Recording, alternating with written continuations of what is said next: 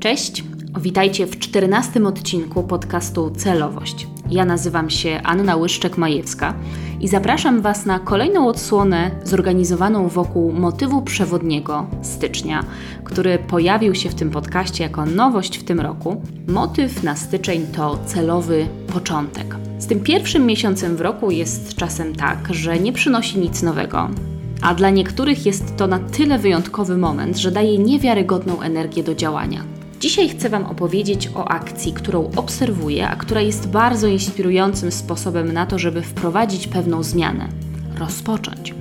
Bo od tego zależy, co spotka nas później po drodze.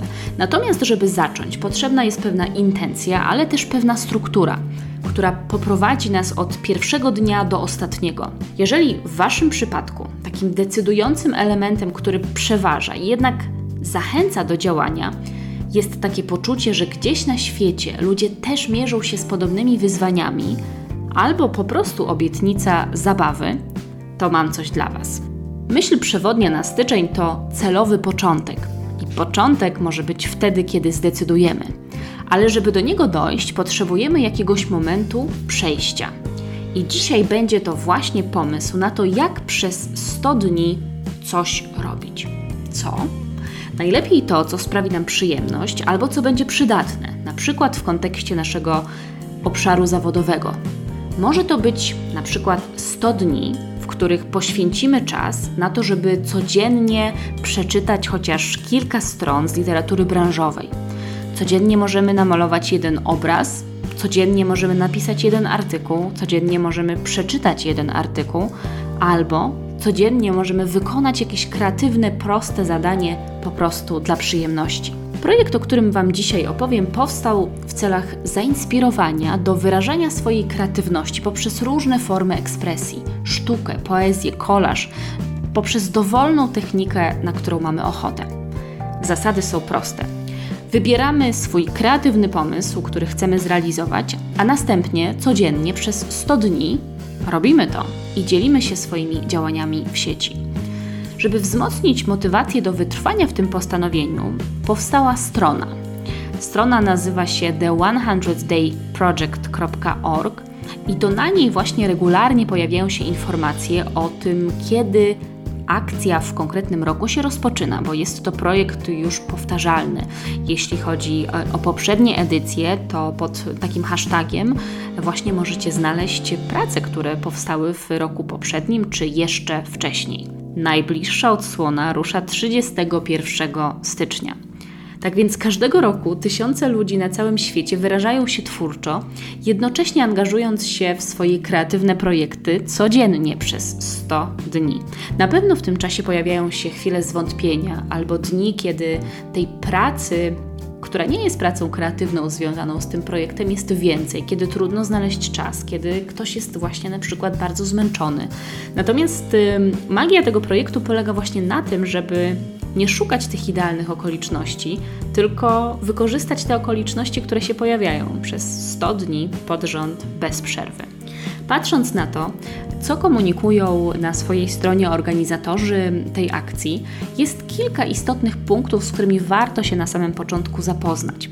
Ja o tej akcji dowiedziałam się kilka lat temu, e, kiedy to właśnie znalazłam w sieci ten hashtag który pokazywał różne ciekawe prace, e, zwłaszcza takie prace wizualne, które sprawiały, że wchodząc na takie, taki profil na, na Instagramie, na którym było widać codziennie dodawaną pracę, wydawało się to naprawdę takie spektakularne, jeśli chodzi e, o konsekwencje i o to przyłożenie się do tego tematu. I organizatorzy radzą, że na początku, jeżeli chcemy właśnie zacząć, to dobrze zastanowić się i doprecyzować, czego my tego od, od tego projektu właściwie oczekujemy.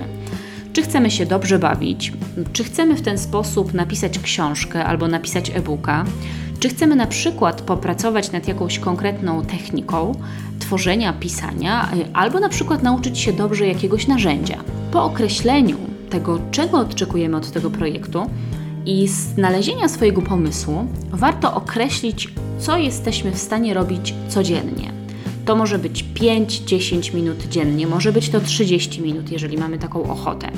Oczywiście im dłużej nad tym pracujemy, tym pewnie po tych studniach będziemy mieli bardziej kompleks, kompleksowe efekty, ale nie każdy może sobie pozwolić właśnie codziennie na poświęcanie takiej ilości czasu na dodatkową rzecz. Więc te kilka minut to może być recepta na to, że kiedy do tej pory patrzyliśmy na nasz wypełniony po brzegi kalendarz, wydawało się, że nic tam już nie wciśniemy. Natomiast może właśnie w ten sposób uda się celowo zacząć.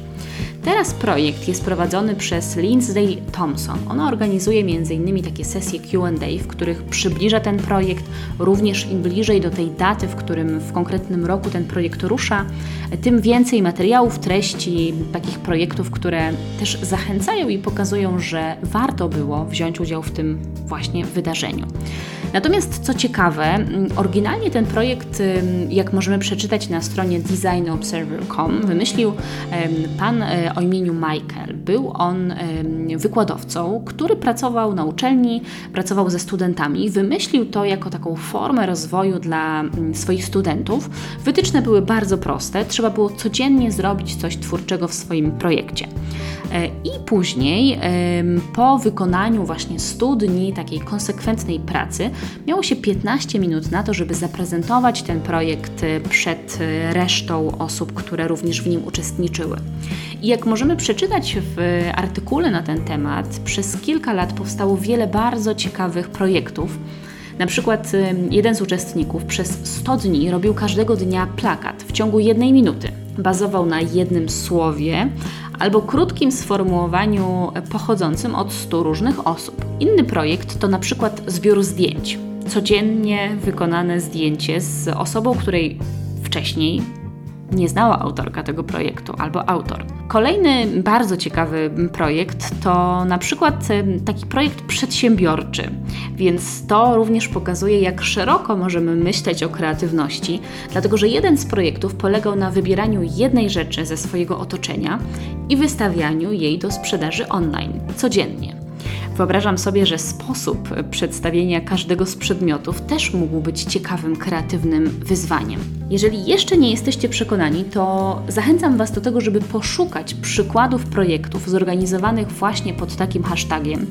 Y, nazwa projektu to, to 100 Day Project, więc wpisując y, takie sformułowanie po angielsku znajdziecie wiele różnych przykładów projektów i różnych inicjatyw, które pod tym właśnie parasolem się odbywały. Zachęcam Was do tego, żebyście pamiętali o tym projekcie nie tylko 31 stycznia, kiedy to ruszy ta oficjalna część, w której właśnie ludzie z całego świata będą się łączyć w swoim wyzwaniu, ale żebyście pamiętali o tym zawsze, kiedy przyjdzie Wam na przykład chęć, żeby spróbować czegoś y, i niekoniecznie będziecie chcieli deklarować się na mm, studia, które trwają kilka lat, tylko na przykład chcielibyście spróbować tego w krótszym odcinku czasowym, to właśnie takie wyzwanie, które nawet 5 minut dziennie, codziennie przez 100 dni, może pozwolić nam przybliżyć się do tego efektu, którego oczekiwaliśmy.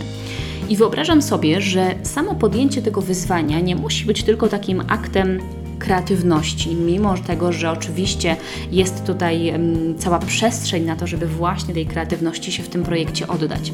Natomiast myślę, że z perspektywy rozwoju zawodowego jest to również świetny pretekst, żeby dać sobie ten celowy początek i żeby wykorzystać to właśnie w połączeniu ze sferą zawodową. Może to być na przykład 100 dni zapisywania naszych zawodowych lekcji, kiedy codziennie zastanowimy się nad tym, czego już nauczyliśmy się na naszym stanowisku, w naszej pracy. Albo na przykład 100 pomysłów na to, czego chcielibyśmy doświadczyć. Może 100 dni testowania nowych umiejętności, albo 100 dni pisania do osób, które nam imponują w naszej branży, z jednym pytaniem, które chcemy im zadać. Myślę, że pomysłów na to, jak zagospodarować takie 100 dni, może być naprawdę bardzo dużo, a o sukcesie tego i o tym, czy będzie to atrakcyjne, czy nie, na pewno musi już tutaj świadczyć osobista motywacja, czyli to pierwsze pytanie co my właściwie chcemy osiągnąć poprzez ten projekt. Czy chcemy doświadczyć zabawy, czy chcemy dokonać czegoś konkretnego, czy chcemy się po prostu sprawdzić. Myślę, że wartość tego sposobu na taki celowy początek jest taka, że koniec jest jasno ustanowiony. ta forma jest powtarzalna, więc możemy sobie dostarczyć okazji do nauki, a innym razem na przykład okazji do rozrywki, według tego, jakie mamy potrzeby i czego w danym momencie chcemy najbardziej. Do tego po drodze okaże się pewnie, że przy 20 dniu trochę trudniej będzie nam coś wymyślić, ale jednak wymyślimy to, mimo wewnętrznego krytyka, po to, żeby na koniec jednak dowiedzieć się, że daliśmy radę i żeby mieć takie piękne poczucie sprawczości. Ja przypominam sobie tutaj moje wyzwanie, które podjęłam na celowości w maju ubiegłego roku. Było to wyzwanie, które nazywało się Celowy Maj, czyli był to taki okres, w którym byliśmy w momencie w pandemii, gdzie rzeczywiście nie wiadomo było jeszcze, jak to dalej się wszystko potoczy, jak pandemia wpłynie na życie zawodowe każdego z nas. I robiąc wtedy ankietę na profilu Młodzi Mogą Więcej i na profilu Celowość na Facebooku, czyli e, w tych dwóch inicjatywach, które prowadzę, zadałam pytanie właśnie o to, jakie emocje w nas budzi ten czas, czego potrzebujemy, jakich form wsparcia, czego chcielibyśmy się dowiedzieć właśnie po to, żeby poczuć się bardziej pewnie albo żeby popracować nad tym, na ile jesteśmy przygotowani na to, żeby w tym momencie właśnie zastanowić się, jaką możemy mieć pracę, jeżeli ta, w której obecnie jesteśmy, jednak zostanie dotknięta przez pandemię. I bardzo wiele odpowiedzi w tej ankiecie dotyczyło właśnie tego, że potrzeba takiego regularnego, codziennego przypominania o tym, żeby poświęcić chociaż chwilę na właśnie zastanowienie się nad swoim rozwojem zawodowym. Więc przez 30 dni codziennie dodawałam jedno zadanie, które można było wykonać, którym można było ym, poświęcić na nie po prostu 5 minut albo 30 minut, w zależności od tego, ile mieliśmy czasu. Yy, I też przypominam sobie, że był to taki czas, kiedy połowie mniej więcej tego wyzwania myślałam, że wykorzystałam już wszystkie najlepsze ćwiczenia, które znam. I później trzeba było włączyć kreatywność i rzeczywiście tworzyć rzeczy, które są atrakcyjne, a których wcale nie wymyśliłabym, gdybym robiła taką listę pierwszych ćwiczeń, które przychodzą mi na myśl. Do tego wyzwania, jeżeli macie ochotę, również Was zapraszam. Możecie znaleźć te ćwiczenia z właśnie tego okresu majowego na Facebooku celowości, także tam, jeżeli macie ochotę właśnie na przykład takimi ćwiczeniami wypełnić kolejne 100 dni albo chociaż kolejne 30 dni, to bardzo serdecznie Was zapraszam. Natomiast jeżeli ta perspektywa studniowego projektu wydaje się Wam kusząca, wydaje się Wam atrakcyjna, to pomyślcie sobie, co byłoby ciekawym zajęciem. I mówię też o sobie, bo ja również myślę nad tym, jaką ideę zastosować w praktyce, co wprowadzić na te 100 dni do mojego kalendarza i z czym chciałabym się spotkać, z jakim efektem chciałabym się spotkać po tych studniach realizowania tego projektu. I o tym, jaki jest mój plan, jaki jest mój pomysł, opowiem Wam w kolejnym odcinku. Więc jeżeli Wy również decydujecie się na to, żeby wziąć udział w tym wyzwaniu, zapraszam Was do tego, żebyście zastanowili się po pierwsze, czego chcecie od tego projektu, co on ma Wam dać, jakich efektów się spodziewacie, jakich emocji się spodziewacie, a po drugie, co jesteście w stanie robić codziennie przez 100 dni, nawet przez 5 minut. Do tego Was zachęcam i piszcie do mnie, będziemy wtedy razem w tym trudnym, ale jakże niezwykle ciekawym i konsekwentnym wyzwaniu uczestniczyć. Do usłyszenia w kolejnym odcinku, więc do tematu studniowego projektu jeszcze wrócimy.